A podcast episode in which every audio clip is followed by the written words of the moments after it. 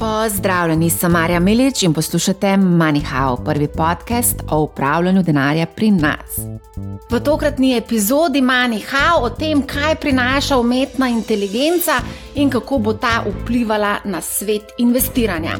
Bomo v prihodnosti sploh še potrebovali upravljalce premoženja, analitike, finančne svetovalce, nam lahko umetna inteligenca sestavi portfelj investicij in kakšen ta je. Kakšne so torej priložnosti in nevarnosti, ki jih prinaša sodobna tehnologija? Z menoj sta Boris Cergol, poznavalec trendov na področju umetne inteligence in regijski vodja podatkovne discipline v podjetju Endava, v preteklosti pa se je tudi ukvarjal z trgovalnimi strategijami. Zdravo, Boris. Zdravo, zdravo. Z nami je tudi borznik in odličen poznavalec energetike Aleš Zupančič, ki je bil tudi že gost Manihau. Zdravo, Aleš. Zdravo, Marja. Zdravo, Boris. Kako smo? Super. Super. Zasneženo.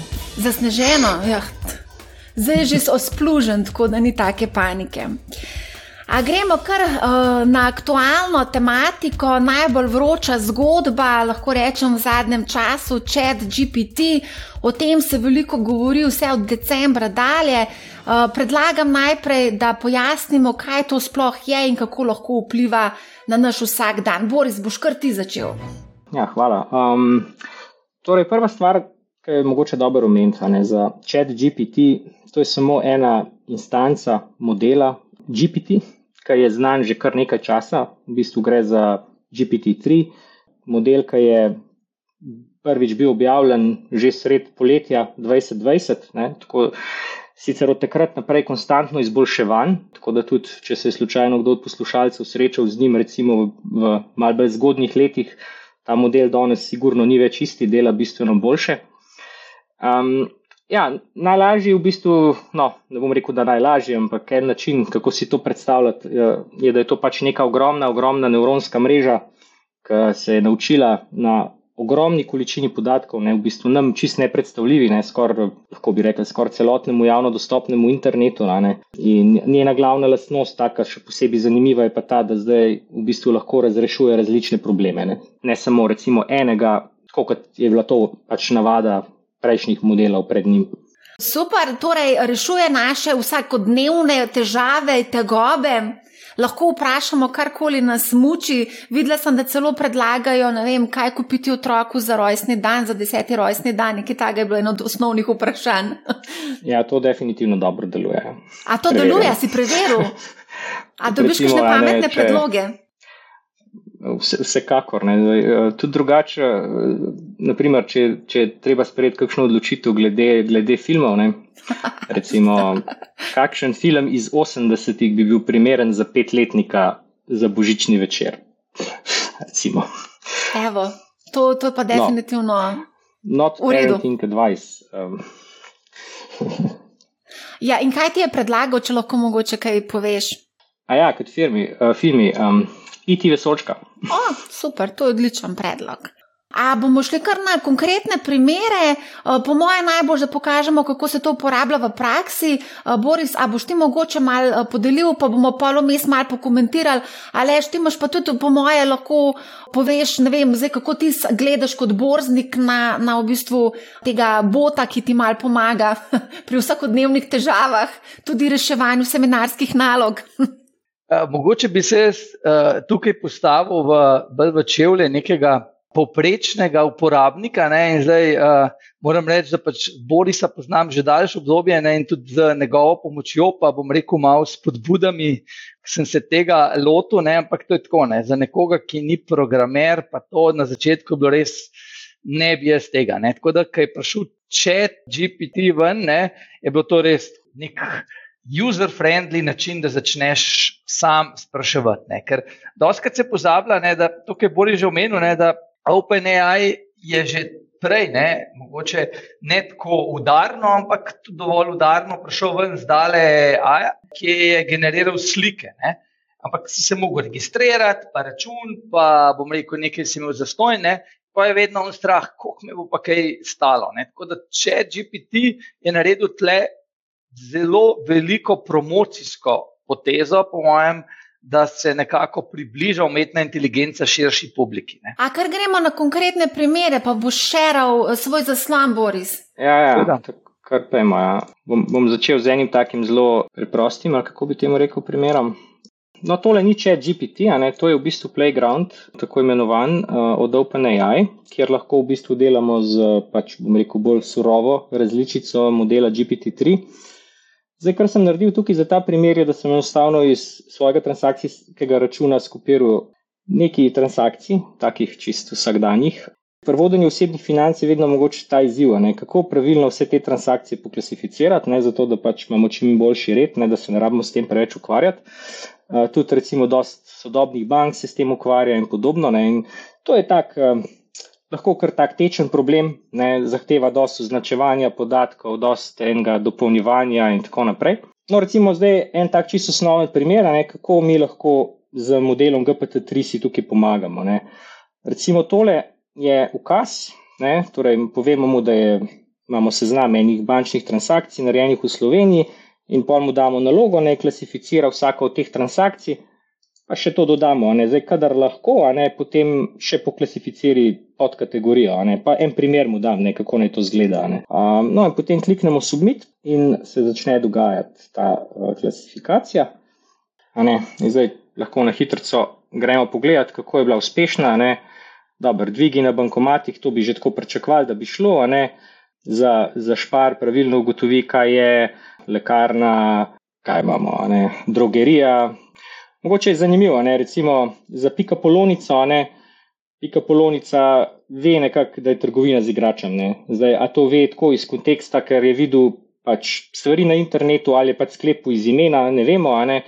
ampak to že tako deluje predvsej, predvsej v redu. Ne? Ne, tudi recimo za neke take slovenske posebnosti, ne, television license, ne, mislim tako.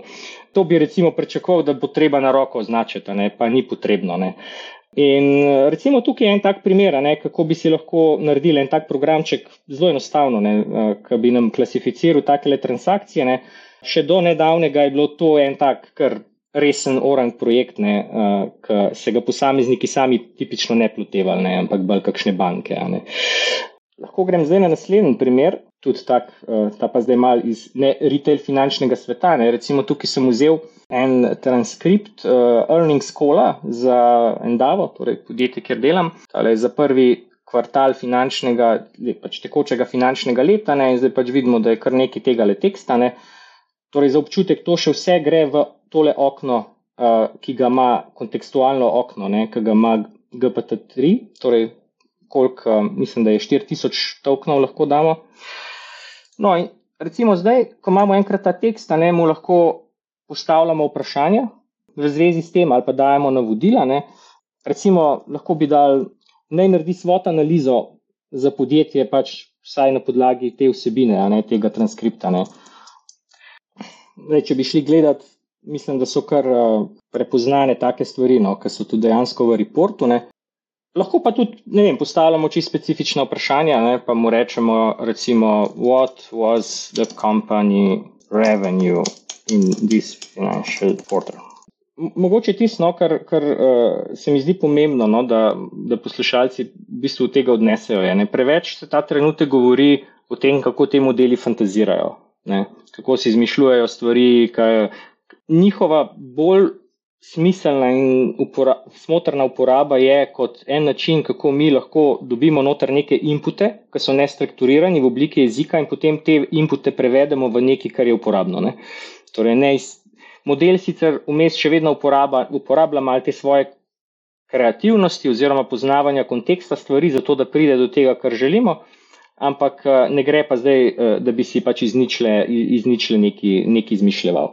Ok, to pa v bistvu zdaj, ki si prikazal to razvrščanje po kategorijah, ne? Tukaj lahko stopiš na prste, mogoče kakšnim ponudnikom, ki to zdaj ponujajo in to plačljivo storitev. Mislim, to je narava umetne inteligence. Pač, eh, s tem je nekako se treba sprijazniti, ne kakršna koli taka servisna storitev, ki v bistvu je prinašala vrednost v času, ko teh modelov še ni bilo, ne, se pač v eni točki uh, se, se je pač treba narediti reevaluacijo. Pač, uh, Seveda, nobenemu od teh ponudnikov nič ne pripričuje, ne, da ne bi svoje storitve še izboljšal, tudi z uporabo takih modelov, ne, kjer, je to, kjer je to smotrno. Ne. Mhm. Kaj se pa ti misliš o tem, Aleš? Jaz bom rekel, da je to korak naprej. Bom, ko dobiš neko novo orodje, ne, zakaj ga ne bi uporabil? Ne. In absolutno bo to ne omejevalo obstoječih ponudnikov, ampak bo nekako izboljšalo neke stvari. Ne.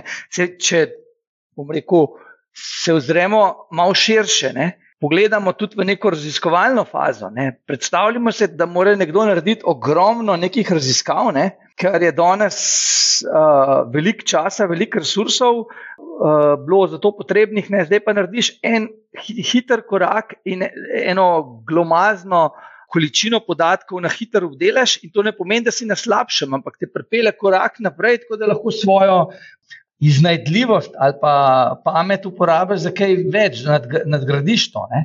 Jaz mogoče bi rekel tako, da ta uh, OpenAI, kar je, kar je Boris pokazal, to ni zdaj neki samo za take kot je Boris. Uh, jaz sem tle tu čist konkretno ne vprašal, ne, list, da, ne, da ne z lista 15 uh, dogodkov v zadnjih treh letih, ki je najbolj vplivalo na dnevni premik delnice Tesla. Ne. In potem bom rekel, najbolj pozitivno, logično je bilo, ne vem, rekordni četrtletni dobički. Potem drugim, za 6,5% na drugem mestu je bilo, da ko je bilo objavljeno, da je Elon Musk najbogatejši človek na svetu, je 5,5%, zdaj, a to je pravilno sklepanje ali ne, to ne bom več rekel. Ne.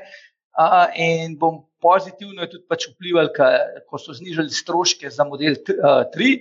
Negativni premiki ne, so bili pa, bom rekel, največji negativni premik, ki ga je najdel intelige, uh, umetna inteligenca, je, da je delnica padla po tvitu um, Maska ne, uh, za 7,2 odstotkov, ampak žal ni napisal, kakšen je bil ta tvit.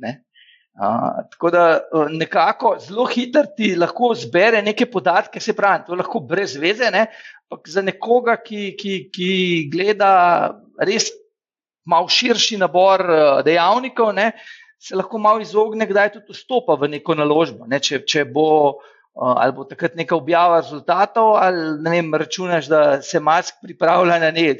Njega povzemam, ki je najbolj medijsko uh, izpostavljena oseba na svetu, mislim, da no, če pustimo te bolj uh, influencerje. Zdaj, ko ti vse to omenjaš, vse je lepo in prav, ampak po črto se mi zdi pa, da je treba še zmer, kljub temu, da je tle zelo veliko inteligence, vseeno tudi stvari zelo dobro preveriti uh, za tem AI-jem. Recimo, jaz sem tudi neke zadeve preverjala in sem ugotovila, da je bilo zelo, zelo veliko napak. Boris, a boš lahko mogoče malo pokomentiral, da ni vse tako lepo, kot mogoče se sliši na prvi pogled? Vsekakor ni. Torej, to urodje je ratelj zdaj pač izredno dostopno.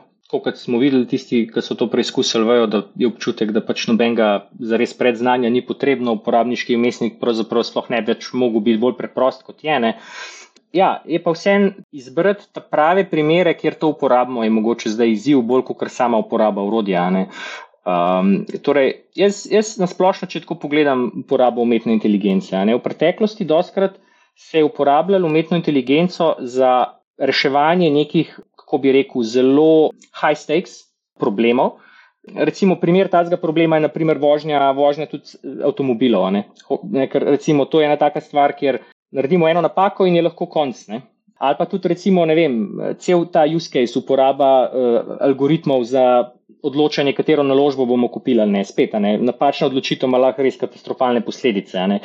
Um, torej, jaz mislim, da, da ta trenutek še vedno te high stakes uh, primeri uporabe niso zares primerni, ampak lahko največ vrednosti potegnemo ven, ko si v bistvu poenostavimo nek proces. Po možnosti, kaj ne vem, tega tečnega, kar itak ne bi hotel delati, um, in kjer mi lahko tudi sami dosti enostavno evaluiramo, ali je to, kar smo dobili ven, prav ali ni. Ne? Recimo, ne vem, konec koncev, primer tole, kar sem dal prej, klasifikacija teh transakcij. Ne? Ok, lej, če ti je narobe poklasificiral, mislim, a bo to zdaj zelo bolel, pač itak so ljudje navajeni, da morajo te stvari ročno malo po, poeditirati, zato da res deluje, če uporabljajo kakšen tak software. Plus, če vidiš, da je narobe klasificiranje, je evidentno, ne, da je napaka narejena. Um, to je recimo tudi razlog, zakaj so postali ti generatori slik iz teksta tako popularni. Ne? Zato, ker tam pač ti zgenerira sliko, takoj vidiš, ali ti je všeč, ali ti ni všeč, če ti ni všeč, če kaj narobe, sam ponovno stisneš gumb in, in ponoviš. Torej, v bistvu, treba je po mojem razmišljati, kje vse imamo take primere, ker je sprejemljivo to, da si v petih do desetih procentih uh, pač narediš nekaj narobe, ne? ampak zato, ker si pa v 90 procentih opravil neko delo, ki ti ga zdaj ni več treba, ne? um, je pa še vedno v bistvu full velik plus. Ne? Zdaj, mogoče bi bilo tudi eh, koristno tukaj povedati, oziroma izpostaviti za vse tiste, ki mogoče še niso testirali to igračko v navednicah, da so zajeti podatki le do leta 2021. Se pravi, to ni real time, to se ne dogaja, ni, ni sposoben ta AI v bistvu skomunicirati uh, dogodke, današnje dogodke. Ne? Ja, tako je. Verjamem, da Boris jih pozna še dosti več drugih ponudnikov, ne? ampak z relativno preprostim, bom rekel, pregledom po netu, ne, manj kot pet minut, ne, uh, sem jaz prišel še do ene parih drugih orodij. Ne, naprimer, Chat Sonic ne, uh, uporablja Chat GPT plus Google. Ne, in mogoče samo ena taka zelo preprosta primerjava. Ne, če bi Chat GPT vprašal, kdo je zmagal na svetovnem prvenstvu v nogometu, saj do nedavnega tega ni vedel, ne, pa mislim, da če se učil, tudi ni mogel zdaj vedeti, ne, uh, če Sonik ti mirno odgovori. Ne.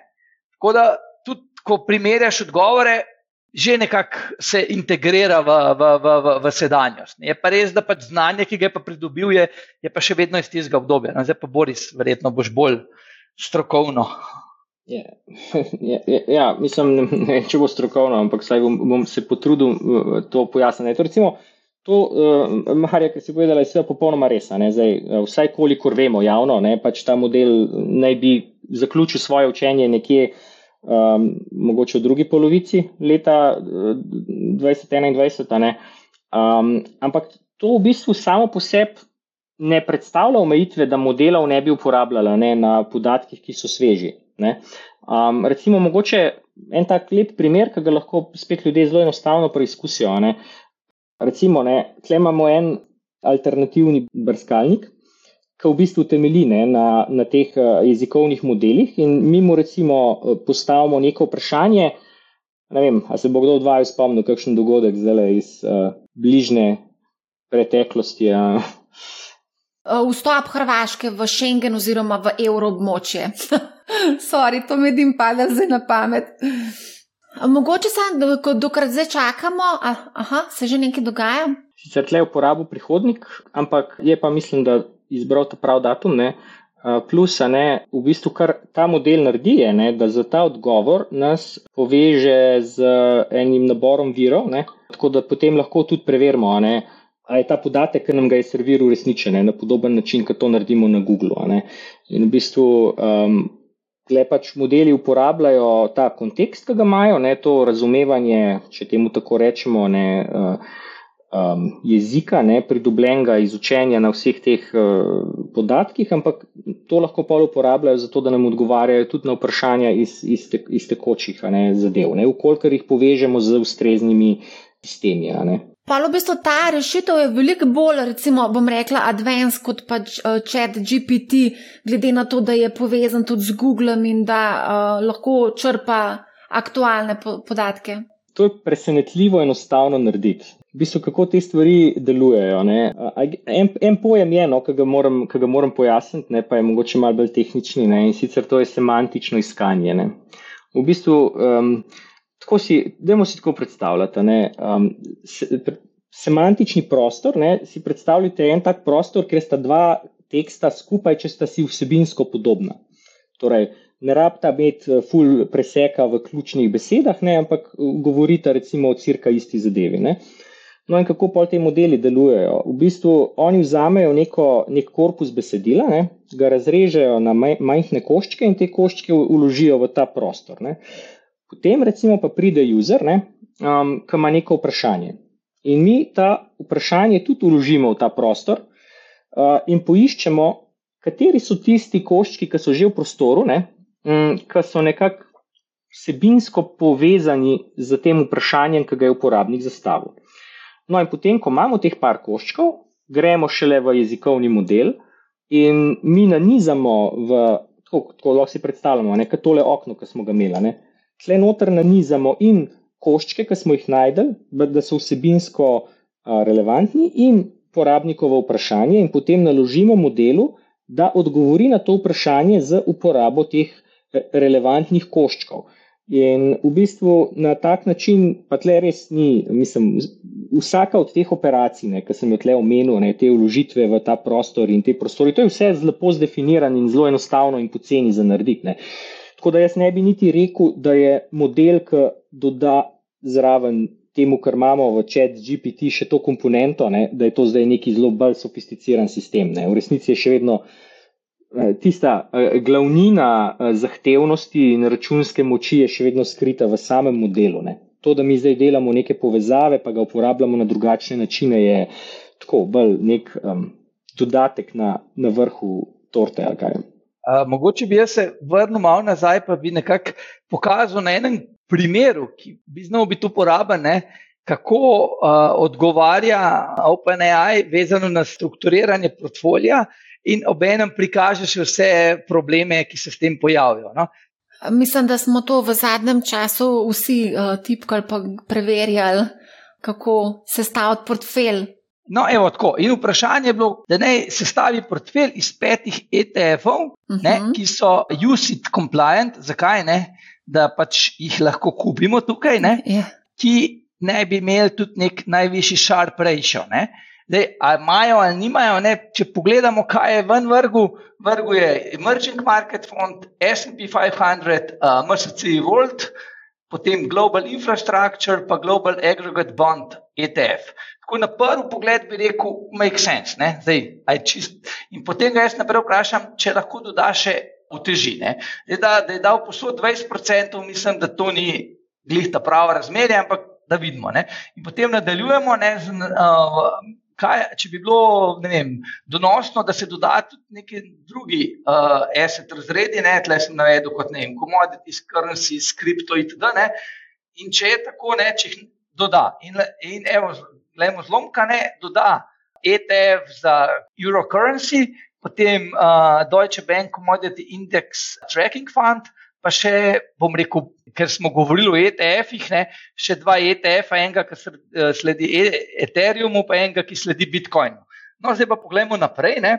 damo novo navodilo, ne? da ne iz vseh teh devetih naredi 100% težje. In na prvi pogled pogledaš, ok, se bo v redu in greš ročno sešteti in umetna inteligenca sešteje ti na mestu 100%, 110%. Ne? In sem napisal, da je na, na robe seštev ne?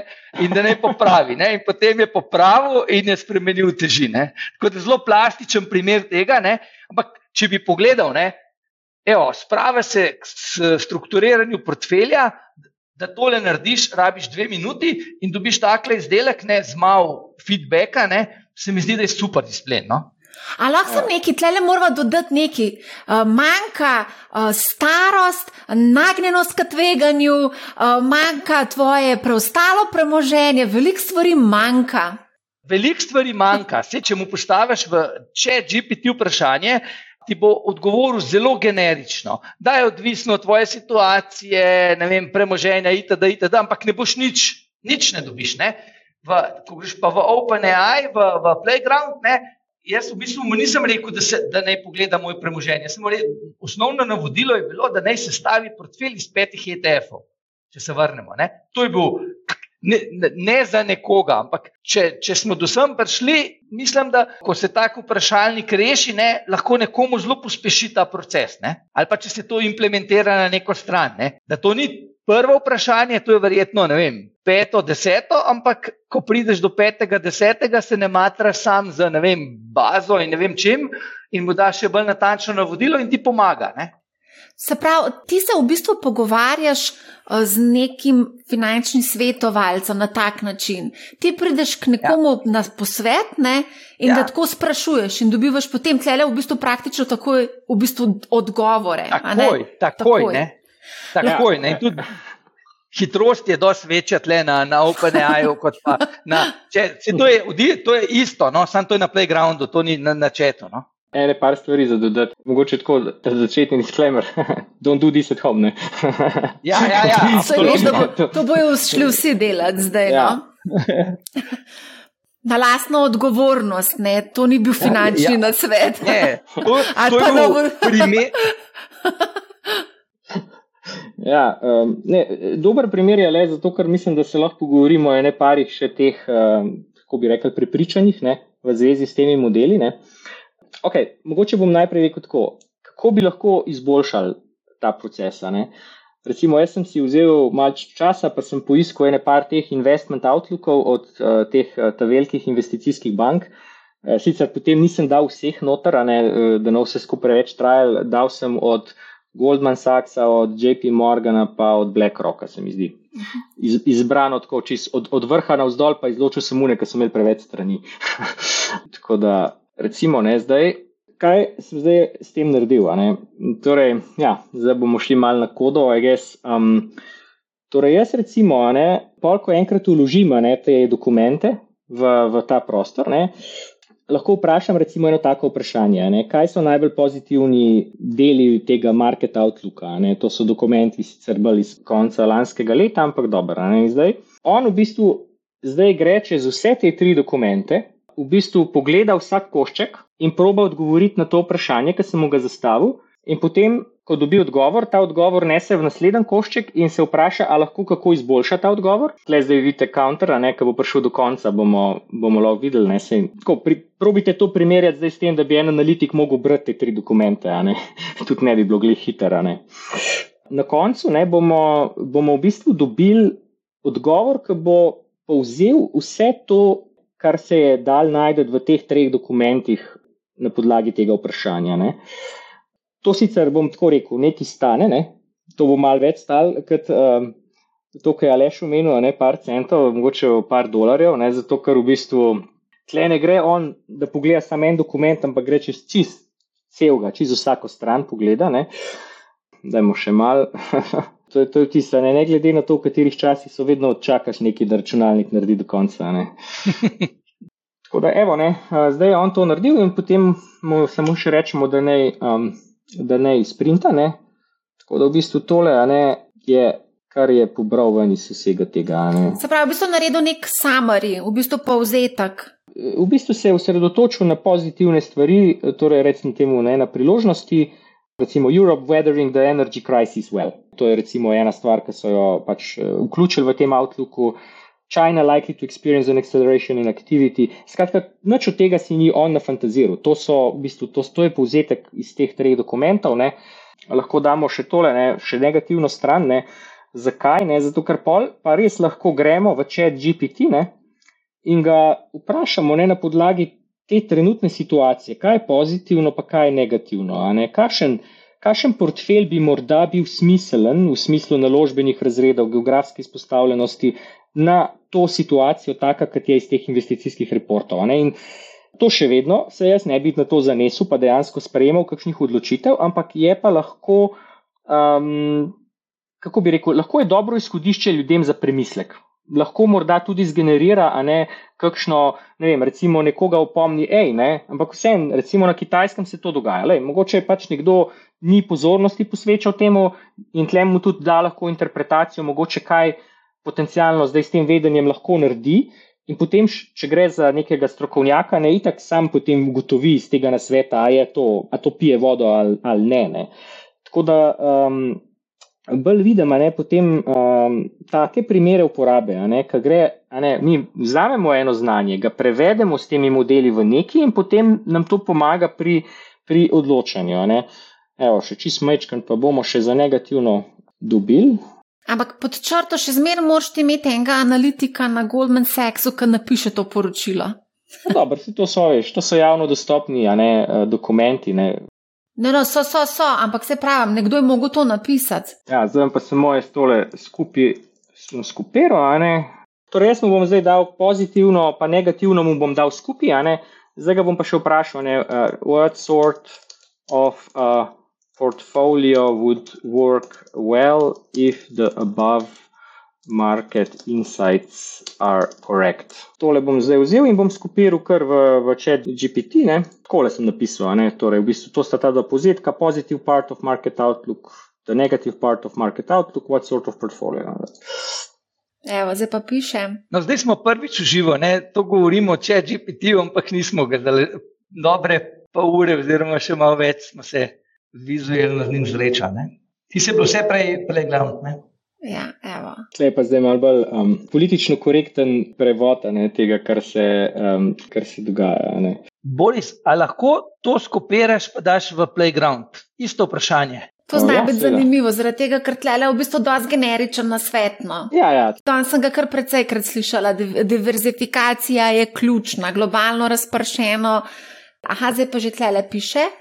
Aha, evo. Evo, fixed income, cash stocks and alternative investments such as real estate, commodities and gold. Pa pa ti pojasne, zakaj rabiš fixed income. Stocks would provide a potential, aha, še za dividende ti umenijo. Zdaj bomo vprašati, which sectors might be interesting uh, under this assumption? Ok, wow, evo, zdaj ti je zelo konkurenten.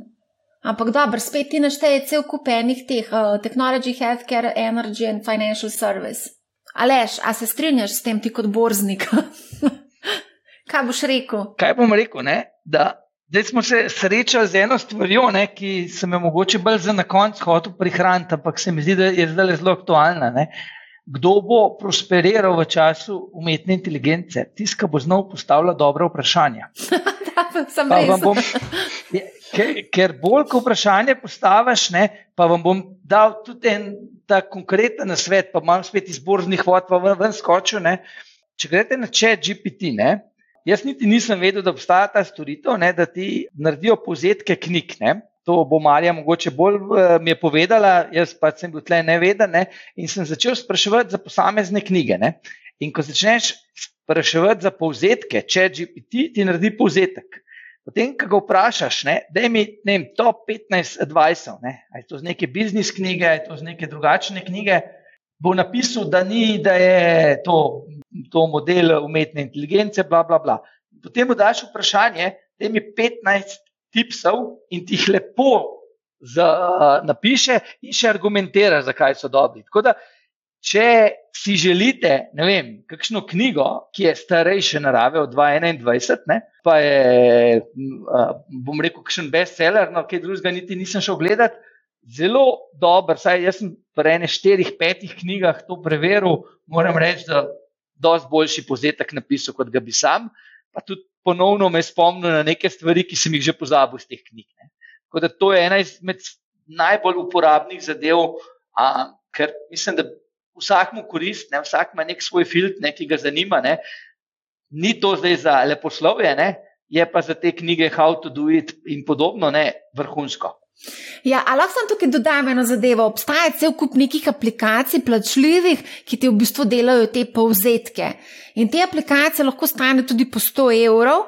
Imáš cel kup enih knjig, imaš tudi audio knjige, povzetke, skratka, res, res je tega zelo veliko, ampak. Vprašanje je, um, kako bodo te v bistvu aplikacije funkcionirale v prihodnosti in zaračunavale 70 ali pa 100 evrov na letni ravni, če imaš ti možnost v bistvu en povzetek knjige dobiti v bistvu brezplačno na enem takmu AI-ju. Ja, sej, mogoče uh, tle bi bilo dobro dodati še ta en del. Tudi recimo tole, kar se mi zdaj pogovarjamo transkripcije ne, jezika in prevajanje so tudi kar naenkrat postale, tudi po zaslugi OpenAI, neprimerno bolj dostopne, kot so bile včasih. Ne. Recimo, zdaj je silno enostavno vzeti ta posnetek našega pogovora in ga eh, praktično vem, z eno kratko komando transkriptirati, eh, ne samo transkriptirati, ampak tudi prevesti v angliščino.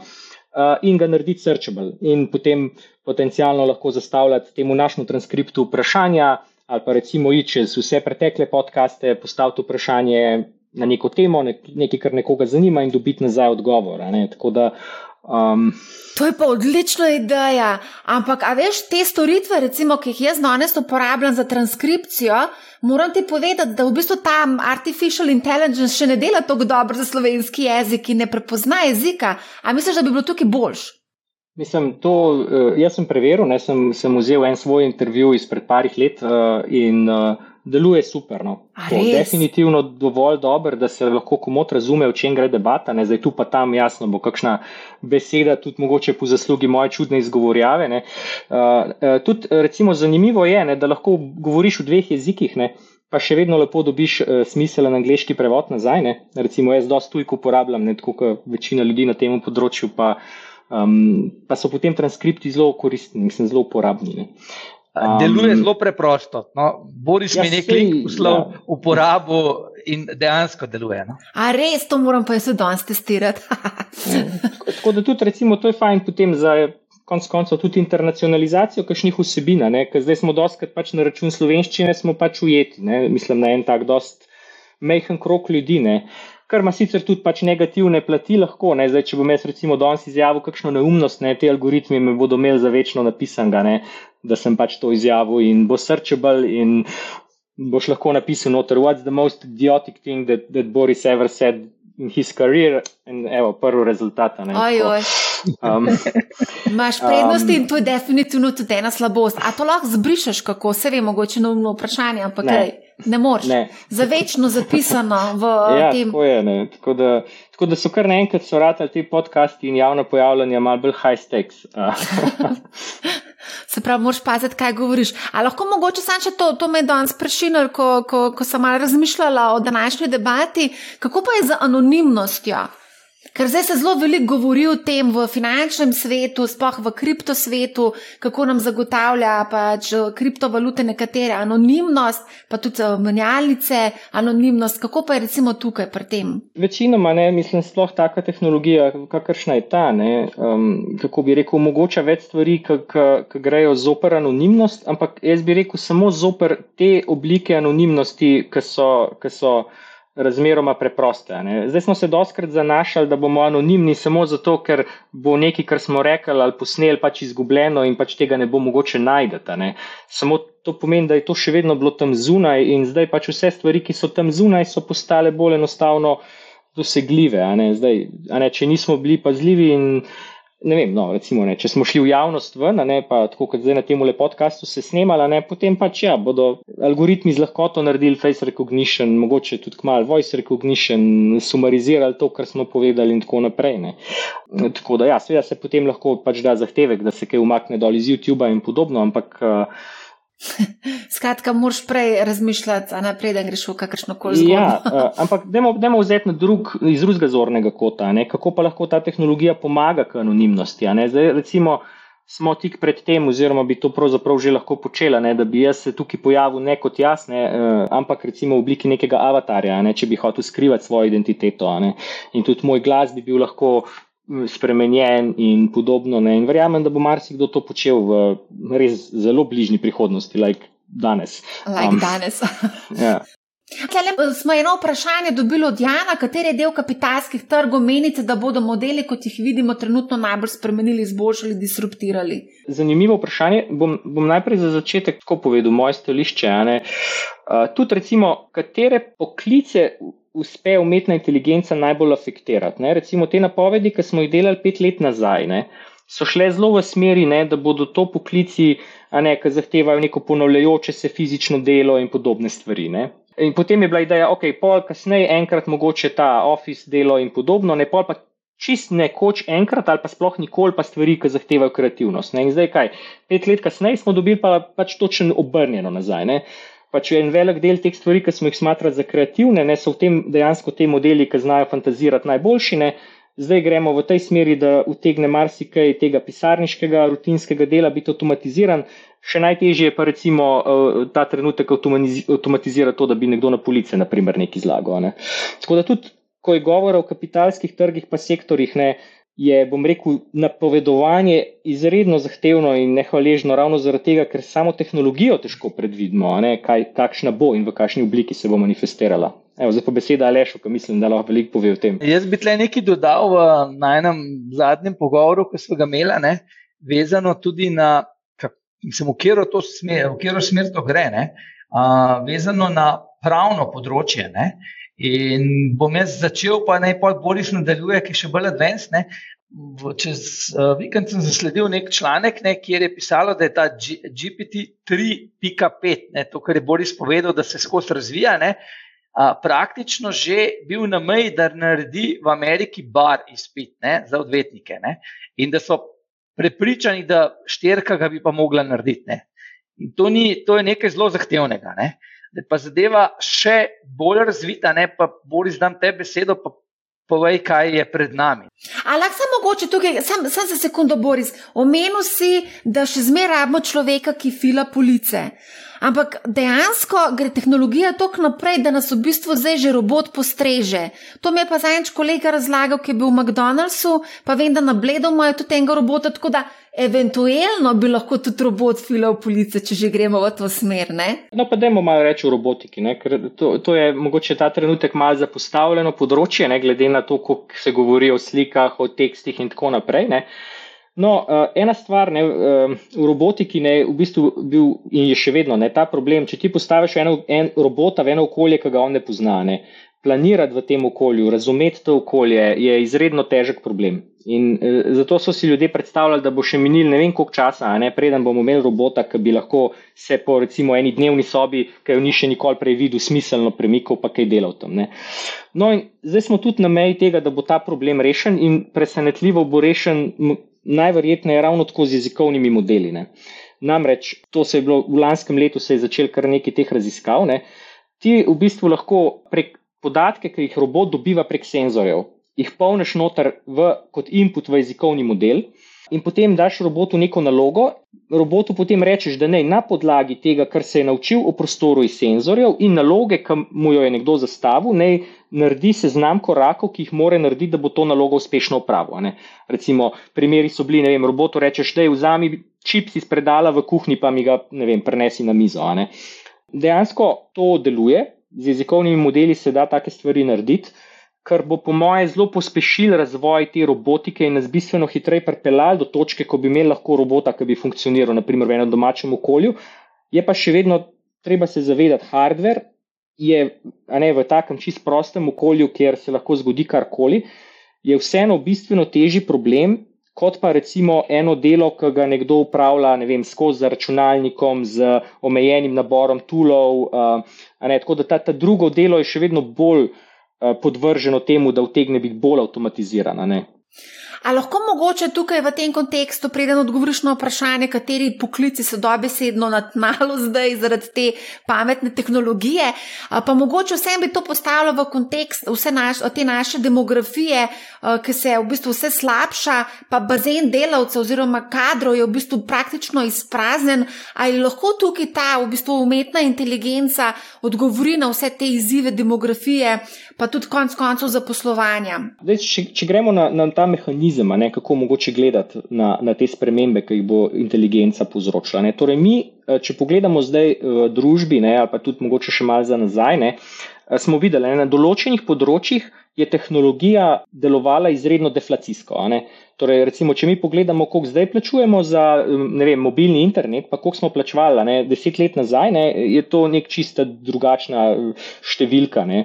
In to, kar v bistvu ta inteligenca, ki zdaj, ka, umetna inteligenca, ki prihaja, ne, jaz mislim, da bo naredila to, da bo, da bo enostavno eh, deflacijsko delovala na človeško inteligenco. Torej, to, kar mi zdaj ne plačujemo, ne, za to, da nam nekdo nekaj naredi, ne, bo postalo cenejše. Jaz razmišljam doskrat iz te perspektive. Ne, kaj so recimo storitve? Do katerih ima recimo zdaj nekdo, ki je mogoče ima recimo 100 milijonov premoženja, ima dostop, pa so mu v redu, večina ljudi pa do tega nima dostopa. Ne. In zdaj vse jahte, pa take materialne stvari so eno, ne, in pač tle bo, tle bo vpliv umetne inteligence počasnejši, ker bo povezan, mora biti povezan z napredkom nekih fizikalnih znanosti in tako naprej. Um, ampak, če pa pogledamo, ne, kaj so storitve, ki jih nekdo tak uporablja. In nekatere smo omenili že danes, ne finančno svetovanje, pravno svetovanje, medicinske storitve.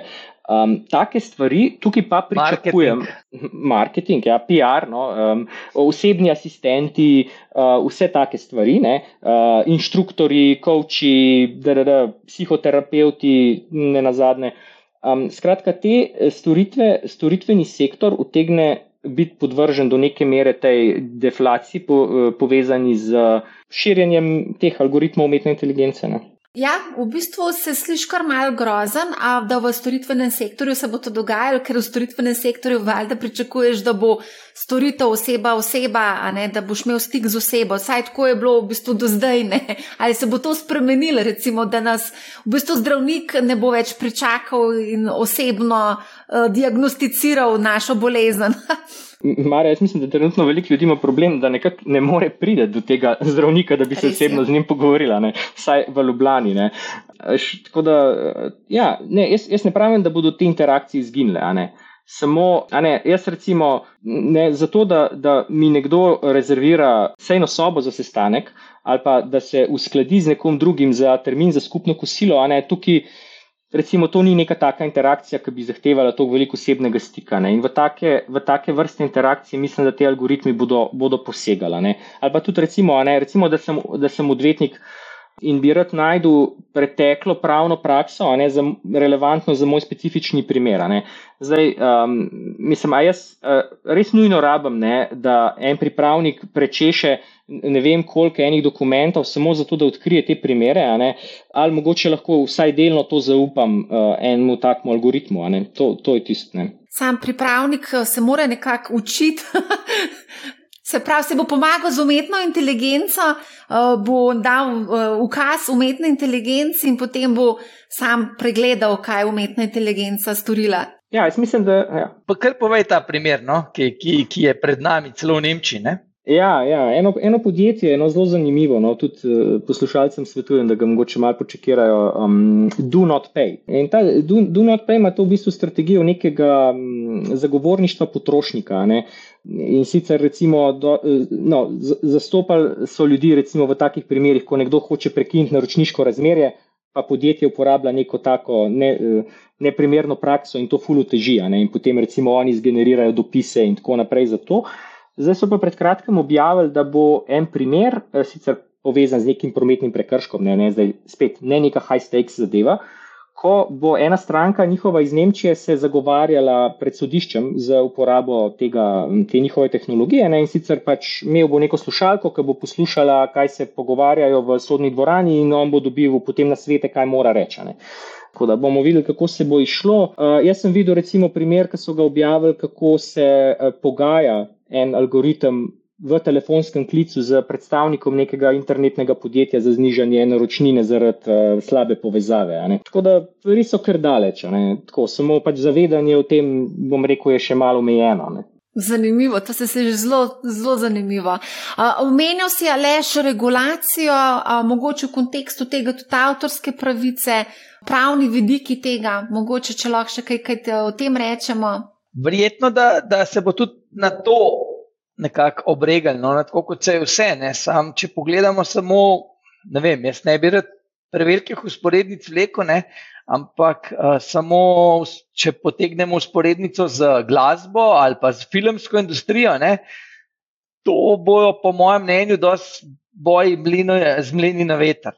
Vse verjetno bo nekako šlo, verjetno bo neko očkodnino kot mogoče te avtorske pravice za, za, za glasbo, na, na, ki se predvaja na a, radijskih postajah ali pa kakorkoli že ne, na nekih dogodkih, na nek podoben način se bo to verjetno, ne vem, si predstavljam, da bi se lahko rešilo, ampak da bi pa to ustavili umetno inteligenco, si pa težko predstavljam, ker mi zdaj govorimo samo o, bom rekel, enem vidiku. Ne. Vprašanje, kaj se vem, na tem področju dogaja še v kakšnih drugih državah. Ne? Ne, mogoče na kitajskem, ne, Boris, ti verjetno več veš, ne, ni to tako skomercializirano, ampak vprašanje, kaj se tam dogaja za umetno inteligenco, ki se ravno zaradi nespoštovanja nekih, uh, bom rekel, zahodnih standardov lahko še hitreje uči. Ne. Če pogledamo, kaj dela lahko na ulicah, koliko je kamer, kako, bom rekel, ti omejuje uh, prijavo po telefonih in podobno, ne, playground je sigurno boljši kot na zahodu. No? Ja, jaz mislim, da bodo tle potekali hudi, bom rekel, pravni, pravni boji. Ne? Zdaj, če, če rečem nekoliko kontroverzno, ne, jaz mislim, da se, bo, da se bo en del diskusije verjetno odvijal v samem fundamentu ne, tega avtorskega prava. Ne. Torej, s kakšnim namenom pa sploh smo se odločili kot družba, da določene vsebine zaščitimo. In ukolikor imamo zdaj na voljo tehnologijo, ki kreacijo teh vsebin naredi trivialno, ali so potem, eh, je še vedno obstaja potreba v družbi, da, da so vse te vsebine tako zaščitene, recimo v primeru filmske industrije, mislim, da treba v Ameriki čakati 70 let, da, da pridejo v javno dobro. Ne. Skratka, mogoče je ta trenutek za to debato še nekoliko prezgodaj, čeprav prve tožbe so, že, eh, že, že, so bile že poslane na, na sodišče, ampak eh, ja, je pa pravno bo sigurno eno pestro obdobje pred nami, ne, povezano s tem. Ali lahko mogoče izpostaviš kakšno to pravno zgodbo? Trenutno se največ govori o dveh uh, tožbah. Mislim, da so obe tožbi bile vložene s skupine, nekako iste skupine ljudi, no, istih uh, skupine odvetnikov. Torej, prva je bila vložena, mislim, da proti Microsoftu, pa, oziroma GitHubu, uh, kot uh, njihovem hčerinskemu podjetju. Uh, um, na račun te, tega urodja GitHub Copilot, ki pomaga ljudem generirati kodo pri programiranju. Uh, Medtem ko ta druga tožba je pa zdaj bila proti nekaterim od teh podjetij, ki delajo te generatorje slik iz teksta. Ne. Mogoče recimo, če, če pa to v tej drugi zgodbi se zaustavimo, recimo ta tožba očita ne, tem podjetjem, da v bistvu ponujajo neke vrste kolaž. Torej, da samo iz znanih avtorskih del skupaj lepijo te stvari in na tak način nastajajo te slike. Zdaj, vsak, ki je taka urodja uporabljal, mu je tako jasno, seveda, da to ne deluje tako in da v bistvu tudi ne, te uh, algoritmi oziroma te modeli za generiranje so zelo majhni. Ne, ne vem, vsega recimo 2-4 gigabajte. Sploh po nikakršni logiki v teh 4 gigabajte ne moramo spraviti ne, vseh uh, umetniških slik, ki so kdaj nastala na svetu. To je pač čisti nonsens. V resnici, kar se dogaja, je, da ti algoritmi, pač, ko vidijo dovolj teh del, uh, ustvarijo znotraj te svoje velike nevronske mreže neko reprezentacijo konceptov, ki se pojavljajo na, v teh delih, in seveda potem lahko te koncepte uporabimo za to, da generiramo nova umetniška dela, podobno kot to ljudje delajo no, na nek način. To sem pa nekje zasledila eno zgodbo, kako je en, um, um, ne vem, pač en, en ustvaril uh, otroško slikanico in je potem v bistvu nekako uh, s pomočjo te umetne inteligence sestavil to knjigico in potem so se ljudje, ne vem točno kje, najprej so, so ga zelo hvalili, potem so pa začeli, ne, da gre za krajo. Kaj že ravno omenjaš, no pa mislim, da imam tako le dosti pri roki, lahko mogoče nalepem v komentarje, ker uh, kar konkreten produkt, ki to dela. No. Meni je zelo všeč, no sicer sam še nisem preizkusil, ampak sem videl pa, kako načeloma deluje. Uh, reče se Story Wizard. Zdaj je recimo to mogoče, ne, da damo par fotografij vem, svojega otroka, naprimer, ne, potem se zgenerira model, ki ga lahko replicira in potem ga lahko vstavljamo v, v zgodbice ki so seveda tudi generirane. Ja, in tukaj spet pridemo do enega produkta, ki je zdaj kar precej uspešen pri nas v Sloveniji in mogoče ravno zaradi te personalizacije, ki si jo lahko tle v bistvu ustvariš uh, sam. Mogoče lahko utrpiti škodo uh, podjetje. Marja, Marja, jaz mislim pa, da ne. ne, ker, da ne. Ki, pa bom povedal, zakaj. Uh, lep primer je, kako smo ljudje včasih, ko smo bom rekel, um, mlajši se tega ne bodo spomnili. Ne? Um, slike, ki si jih ustvaril, si jih mogel nesti razviti in si jih dal v album. Kvaliteta teh slik je bila, po mojem, vsaka. Ne vem, peta, da si sigurno malo slabša, če, če ne še kaj slabega, hujšega. Ampak vse si to naredil. Ne? Zdaj imamo pa na, v telefonu posod teh slik in je vedno neka muka, da te slike spraviš, pa da bi jih sprintil, ker se jih pogledaš. Ne? Ampak un album si vzel, si pogledal, še zdaj ne vem. Maš, in tukaj se mi zdi enako, ne? da bo nekdo to izkoristil ne? in bo potem šel sam printati. To, ma, ne vem, en, nek promil ljudi, mogoče ja. Zdaj, ta produkt, pa moram reči, sem ga tudi nekako uh, uporabnik tega. Uh, se mi zdi, da ne vidim, da, bi, da, da, je še vedno tako poceni, ne, da ne morem narediti boljšega za ta denar, ne, še posebej, da bi rekel, da svojo energijo v to ložiš. Ne. A lahko mogoče gremo tukaj še na eno vprašanje, zanimivo, razvoj novih produktov, mogoče ravno na podlagi te uh, umetne inteligence. Kaj lahko tukaj pričakujemo? Sploh, dajmo se skoncentrirati na finančno panogo, se lahko kaj zgodi. tle. Torej, jaz, jaz mislim, da ena stvar, ki se bo zgodila, je spremenil se bo komunikacijski kanal. Spremenil se bo mogoče to, kako ljudje dostopajo do informacij. Torej, imeli smo ta poskus chatbotov izpred kar nekaj let nazaj, ki še niso bili zreli takrat za take primere uporabe, ampak zdaj pa so. In to v bistvu utegne biti kar, kar velika sprememba. Ne? Mislim tudi, ne, kako podjetja recimo komunicirajo z svojo stranko. Ne. Mi ne smemo toliko razmišljati, da se zdaj pa re, bodo ta podjetja nadomeščena za strani teh chatbotov. Podjetja sama bodo jih lahko uporabljala za to, da izboljšajo uporabniško izkušnjo. Ja, absolutno. Verjetno se bo, mislim, produkt, no, da, bi šlo, da bo šlo kaj v smeri še večje integracije. Zdaj, še vedno večino srča se odvija z pisanjem. Ne. Ko bo to, rekel, govorni srč napredoval in ko boš dal navodila, ne, pripravi mi ne, tak in tak poročilo, ali pa kaj ta, bom rekel, želel bi to videti, bo, boš dobil customizirane produkte, ki ne bodo kaj velik, mislim, praktično nič dodatnega stroška ne bo in bo, ne vem, lahko identičen portfelj, če bi mi tri imeli identičen portfelj, ampak bi naredil poročilo enega za Marijo, enega za Borisa, enega za mene, na način, kot je vsakmu od nas naj, najljubše. Ne? Se pravi, da se personalizira v bistvu to poročilo ali kako? Naprimer, no, to tako, kar sem se na hitro spomnil. Ne, pa, ne vem, še kakšna druga eh, reakcija. Ne. A pa misliš, da je možno, da se bodo znižali stroški zaradi ravno tega, te inteligen, umetne inteligence? Mislim, da ja stroški trgovanja ali pa uh, upravljanje premoženja, svetovanja, to bo.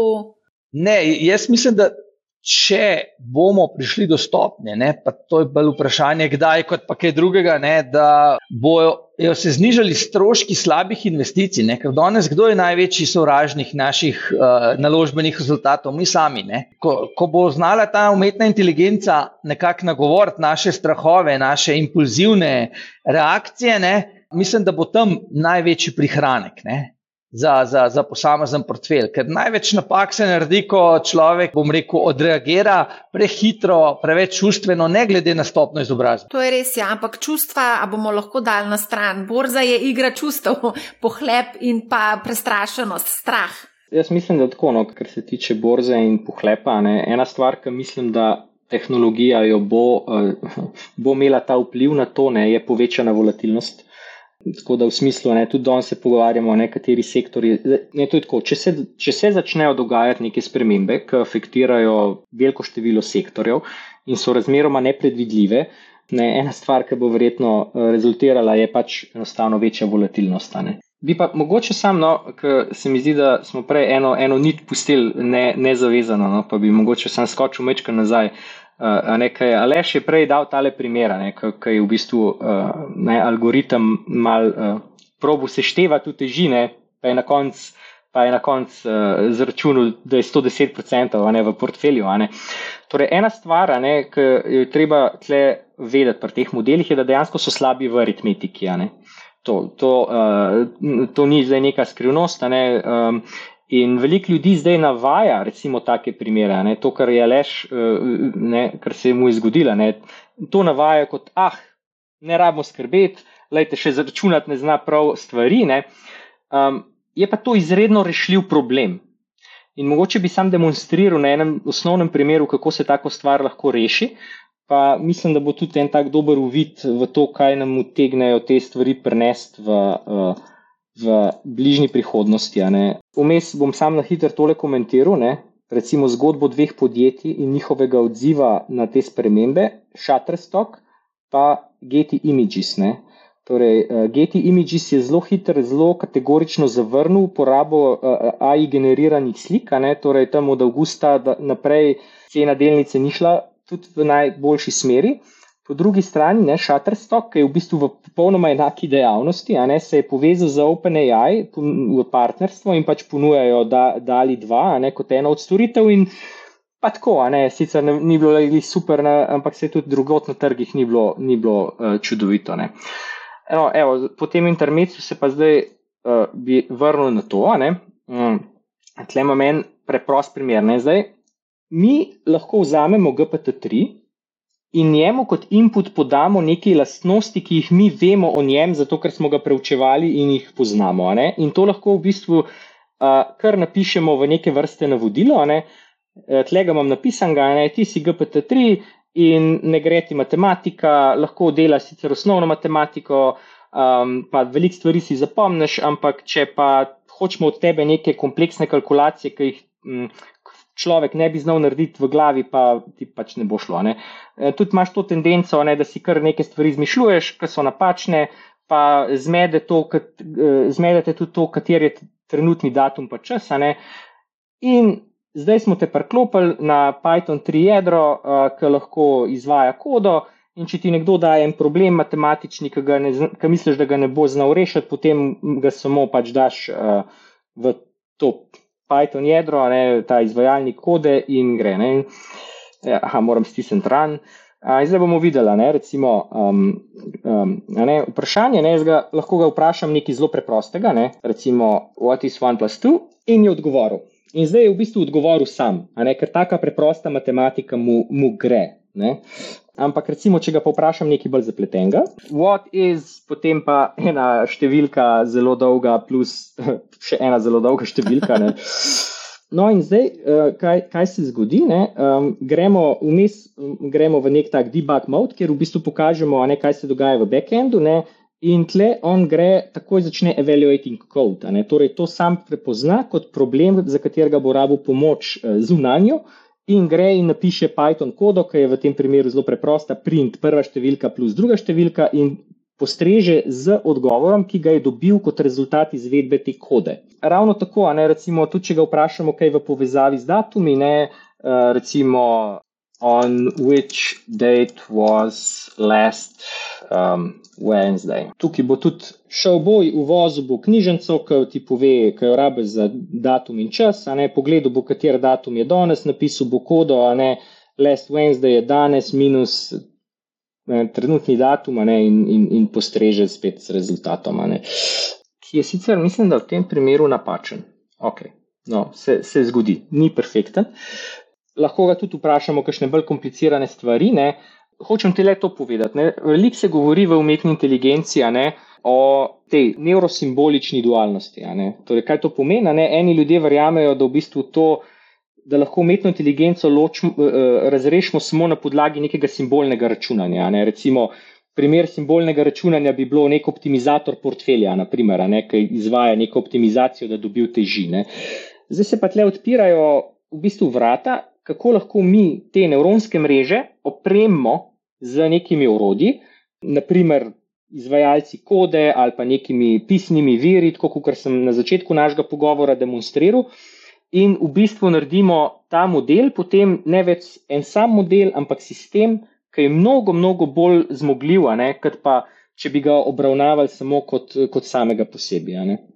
Sliši se zelo zanimivo, za marsikoga pa tudi zelo zakomplicirano. ja, ja no, res, je, res je nekaj na tem. Ja. lahko sam jaz le notri uskočim ne, v to, kar je zdaj uporabljal Boris, ne, ta replit. Ne, je pač notri tudi nek tečaj ne, za Python, ne, tudi za take kot sem jaz, ne, totalne analfabete. Ne, In lahko povem, da po 17 dneh ne, se človek nauči sprogramirati uh, igro, ne, ne vem, uh, kamen, škarje in papir, ne, na način, da ti zgenerira dva igralca, sta, kdo je zmagal, glede na posamezne inpute, ki jih nodajaš. Je zelo dober način, ne, da to kodo se uporabi, in potem je tam zelo lepo, ne en copy-paste, še enkrat za take, ki in to ni blizu, in to identično kodo lahko skopiraš not, ali pa kar not v playground, daš navodilo, ne, naredi mi kodo za to. Ne, in če imaš malo občutka, kje je prišlo do kakšne napake, lahko tudi ti spopraviš. Ampak za, za take, uh, bom rekel, uh, relativno preproste zadeve se lahko hitro človek nauči. No. Se strinjam s tabo, ali lahko mogoče gremo na, še malo nazaj na borzo, na trgovanje, aktivno, pasivno. Pri pasivnem dobro vemo, da ne potrebuješ veliko ljudi, angažma velike, velikega števila ljudi. Vzameš pač indeks, uh, ga naš, našravboš portfelj, da sledi temu indeksu in to je to. Kako pa je za uporabo umetne inteligence pri aktivnem trgovanju? A jo lahko uporabimo? Bom jaz začel. Zdaj, tisti ljudje, ki so tako, rekel, me poznali dolgo nazaj, bodo, bodo mogoče presenečeni ne, nad to izjavo. Torej, jaz dejansko mislim, da v trenutnih razmerah, tako kot smo danes, je uporaba umetne inteligence, recimo pri aktivnem trgovanju, naprimer za napovedovanje, katere naložbe bodo outperformale in podobne stvari, eden najslabših primera uporabe umetne inteligence v smislu, v smislu use case. Tako, skoraj za kater koli drug tega, del procesa upravljanja premoženja, ne, mislim, da bi lahko našli boljše, bolj, bolj učinkovite uporabe. Um, tako da, zdaj, kaj pa je razlog? Ne? Mislim, da je predvsem v tem, ne, da tu imamo upravka z enim primerom, kot sem že prej rekel, je high stakes, napake so drage, lahko zelo. Um, imamo upravka z nekim trgom, kjer je ogromno šuma, pa relativno malo signala. In imamo tudi trg, ne, kjer v bistvu vsi eh, igralci rešujejo zelo podoben problem, a, vendar nimajo pa vsi istih podatkov. Torej, ne, veliko je takih, ki imajo podatke, do katerih ostali dostopa nimajo. Ne, in je tak ne, nehvaležen setting za, za reševanje tega z algoritmi. Ne pravim sicer, da se to ne da. Tlebal govorim recimo za stališča mogoče ene manjše upravljalske družbe ali pa celo posameznika, večje inštitucije, ki po možnosti tiste, ki pa imajo še posebej dodatne dostope do zelo specifičnih eh, podatkovnih verov, je pa potem mogoče nekoliko drugačna zgodba. Ne? A lahko mogoče še enkrat šeraš skrin, pa dajmo vprašati tega pametnega bota, kako lahko na hitro obogatimo, postanemo milijonari. Recimo. To je eno tako zelo pogosto um, ja, vprašanje. To, recimo, to, to, to, vprašanje uh, to vprašanje mislim, da bomo mogli iti kar v playground, ker mislim, da v, je bot tako politično korekten, da siguren, uh, ne bi pričakoval, da bo, da bo hotel biti zelo helpful, ampak uh, gremo. Ne? Jaz sem v bistvu si pomagala, v bistvu sem preverila, kako se staviti portfelj s kriptovalutami, z ETF, z dividendno donosnimi delnicami, vse sem prečekirala, kaj v bistvu ti odgovorim ponudi. Zanimivi odgovori. Aleš, kaj da povej kaj no? Ja, jaz bom rekel, da ena izmed bolj zanimivih stvari, ne, ki smo jo, bom rekel, tudi nekako testirali, ne, tudi, uh, rednim gostom, no, čisto slučajno, no, v tvojega podcasta, ne, Matejem Šimnicam, ne, smo se pogovarjali, da nam je bot odgovoril na vprašanje ne, različno. Ne. Najprej se je sprenevedel, da sploh ne ve nekaj, ne, potem je, je, je, je napisal, uh, je podal informacijo, da vse nekaj je bilo. Ne, In na koncu je še ta tretji spremenil odgovor, in vprašanje pa je bilo, ne, koliko vojaških letal je so ZDA poslale Sovjetski zvezi med drugo svetovno vojno, nekaj, kar lahko na historiju preveriš. Zanimivo je, da nekdo, ki ima dostop do res nenormalne količine podatkov, ne, kar malo odgovarja v drugo stran. Ne. In ko je dobil, bom rekel, a, odgovor, ne, da to ni res, je pa drug odgovor. No. Zanimivo. Um, no, Boris, kaj, kako bomo postali milijonarji? Koliko rešitev nam ponuja? Ja, tok, 30. To, to sem jih hotel, ne? lahko bi mu pa rekel še več. 30, ok. ja, sej, um, noč kaj na prvi pogled zelo. Um, launch a YouTube channel and monetize, Marja. yes, yes. Invest in cryptocurrency.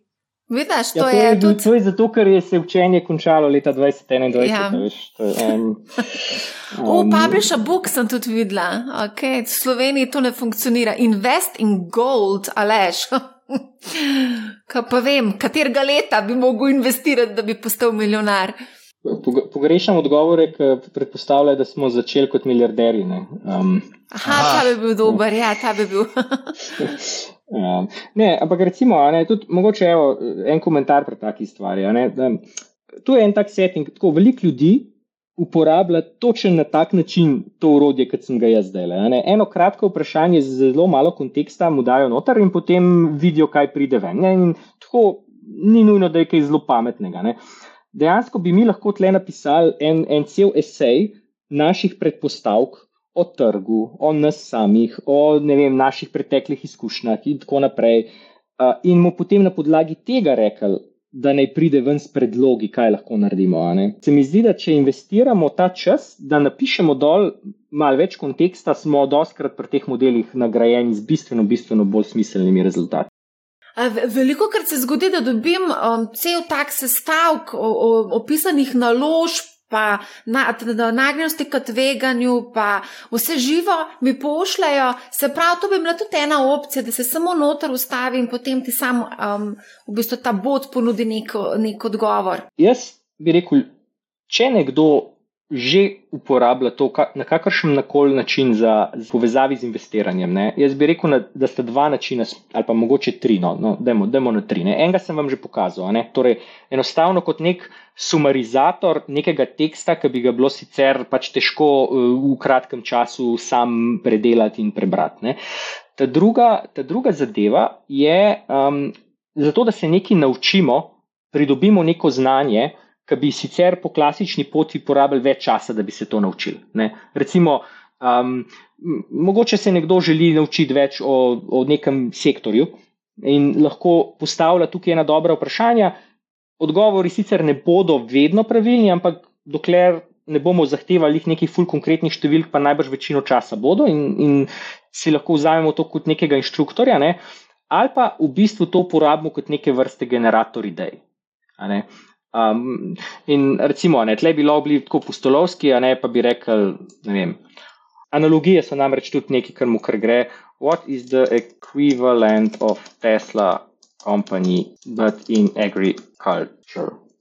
Give me five examples. Zdaj bi marsikdo rekel, pa se to lahko tudi pogooglam. Sam vprašam, ne vem, to, to bi googlal človek, ne?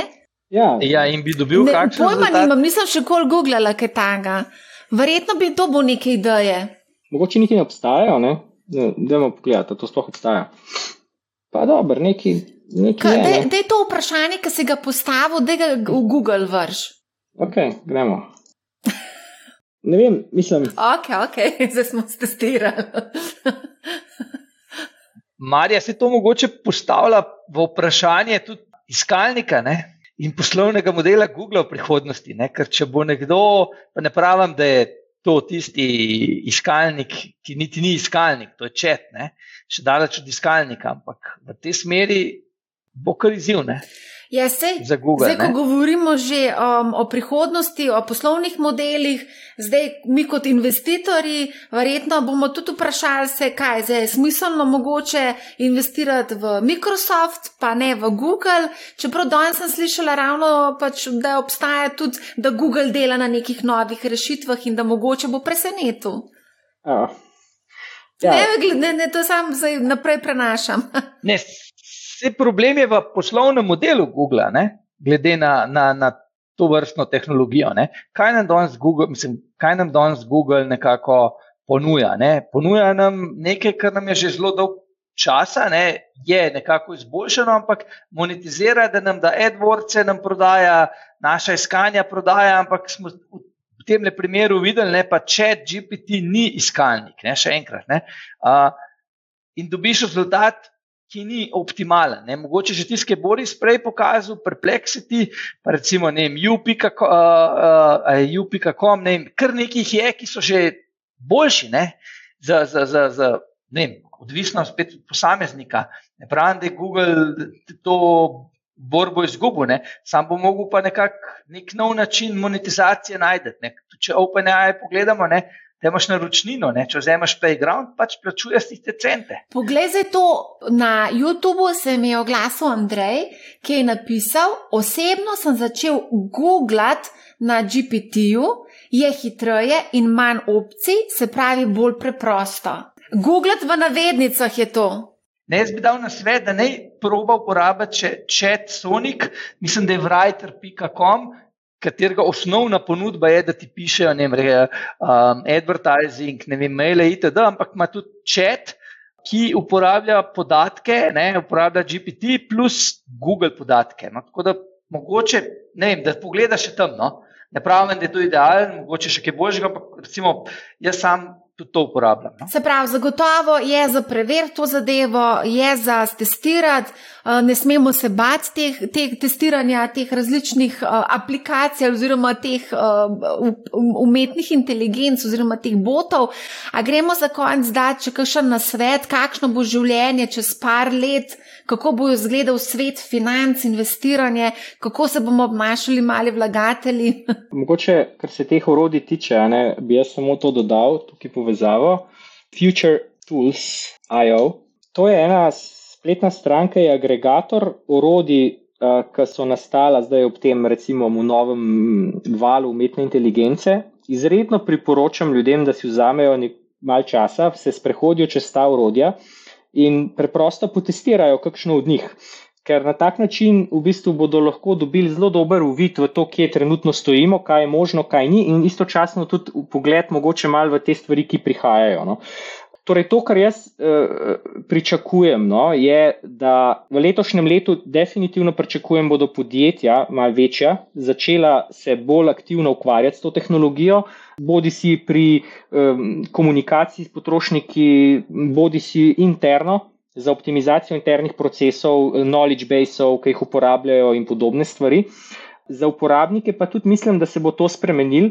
Era, ne, ko v bistvu mi ne bomo nujno šli na spletno stran po neko informacijo, ampak bomo imeli vmes med nami in temi viri informacij nekega pač bom rekel, koristnega posrednika. posrednika, asistenta, ki bo v bistvu te informacije v taki obliki, kot jih mi potrebujemo, podajal nam, se bo po moje zgodila. Ne, e, ne, sicer, ne sicer iz danes na jutro, ampak postopoma, ampak verjamem pa, da se bo. Ne. Kar nas pa še čaka, po moje, v letošnjem letu, glede umetne inteligence. Prvo je najverjetneje prihod modela GPT-4, ki mislim, da bo spremenil veliko stvari, ne, in takrat se bomo verjetno kar kar nekaj časa pogovarjali samo o tem, ko bo pred, pred, predstavljen, eh, ker mislim, da ne bo več tako eh, daleč stran, bolj govorimo, mislim, da o mesecih, no, vsaj glede na govorice. Eno zelo zanimivo področje bo tekst v video. In tukaj tudi mislim, da lahko trdim, do konca leta bomo videli neverjetne stvari, kako recimo samo iz enega kratkega stavka zgenerirati uh, cele videe. Mogoče letos še ne bodo zelo uh, privlačni za videti, ampak bodo pa. Uh, Tako da tudi mislim, da ta odgovor za strani Google utegne biti zanimiv. Če bi, če bi gledali njihov doprinos znanstveni eh, na konferencah, bi gotovo lahko trdili, da so, da so prvi na svetu. Zdaj samo verjetno se srečujejo s inovatorjevo dilemo, v kakšni meri pač te stvari, ki jih imajo, eh, pravočasno lansirati na trg. Ampak pričakujem, da, da so se tudi njihove časovnice glede novih produktov zdaj le skrajšale na račun odziva ljudi na ChatGPT. Um, Ali boš ti mogoče še kaj dodal? Jaz bi mogoče to dodal, da dejansko, če Google ne zna odgovoriti, kdo pa bo, ker verjamem, da tam je toliko pametnih ljudi, ne, je pač treba sprejeti odločitev glede dodajanja, bi pa rekel, sam tok. Ne. Tukaj moramo biti, bom rekel, malo te otroške radovednosti več vzeti, pa nekako tisto ni neumnih vprašanj. Ne ker bolj kot bomo znali vprašanja postavljati v tem novodobnem času, boljše odgovore bomo dobivali ne? in hitreje bomo reševali svoje probleme. Ne? In to bo verjetno tista, ko bi rekel, competitive advantage. Ne? Ker podatkov je ogromno, zdaj smo pa dobili tool, oziroma dobivamo tool, ki bo iz teh podatkov ustvaril neko novo vrednost, dosti hitreje, kot smo bili navajeni v preteklosti. Tole bo še zelo, zelo zanimivo, se mi zdi kakšno bo leto, ne vem, 2024, 2025. Ja, jaz, jaz zelo pozorno spremljam, uh, mislim, pozorno, no, vsake tok pogledam. Pač, uh, uh, na Metakolusu, ne, to je en predikcijski trg, um, ne, tam je postavljeno eno vprašanje um, in sicer, kdaj bo javno znana oziroma relisana ta šipka umetna, splošna umetna inteligenca, temu rečejo. Uh, To pomeni definiranje tako, kot na določenih benchmarkih dovolj splošno lahko pač se odziva. In recimo ta časovnica, ne, na začetku lanskega leta ne, je bila napoved, da, poprečna, ne, da, da to lahko pričakujemo leta 2042, če se ne motim. Um, zdaj, na zadnje, ko sem pogledal, je bila jeseni 2027, uh, tako da v bistvu se, to, ta sprememba se je zgodila v roku enega leta. Um, in ja, jaz, jaz mislim, da, da bodo prišli časi, no, k, v smislu sprememb, ki jih bo prinašala tehnologija, ki bodo, bodo zelo zanimivi. Ne. Mislim, da, da je zelo koristno na te čase biti tako pripravljen, ne, da, smo, da smo do teh tehnologij odprti. Ne.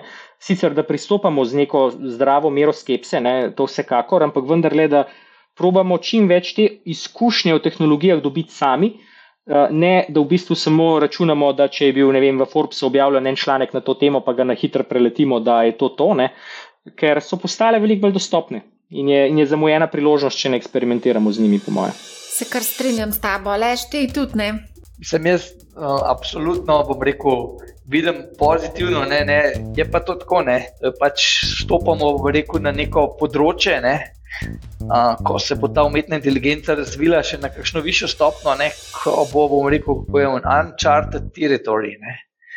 In upajmo, ne, ne vem, se tudi če Harari v svoji knjigi, ne vem, 21 vprašanj za, 11, za 21 stoletje, ne, nekako naslavlja to zadevo, ne, pa ne, da ima nek odgovor, ampak pač smer je lahko različna. Ne. Ja, jaz mislim, da bomo o tem še zelo veliko debatirali, če morda že čez par mesecev, ko pride GPT-4. Tako da najlepša hvala za enkrat za to debato, za vse te eh, demonstracije v živo, kako v bistvu lahko sestavimo portfelj in vse drugo. Ne? Tako da iskrena hvala za super, res super debato. Hvala za povabilo. Ja, hvala za povabilo. Ja. Hvala tudi vsem, ki nas spremljate. Eh, ne pozabite na dogodek Manihau Live, ki se bo odvil 20. aprila uh, bomo v živo, ne digitalno, oziroma ne preko kakšnih uh, umetne inteligence, ampak se bomo kar v živo srečali. Povezavo objavim v opisu epizode. Poslušajte, manjhav, ne bo vam žal in lep pozdrav.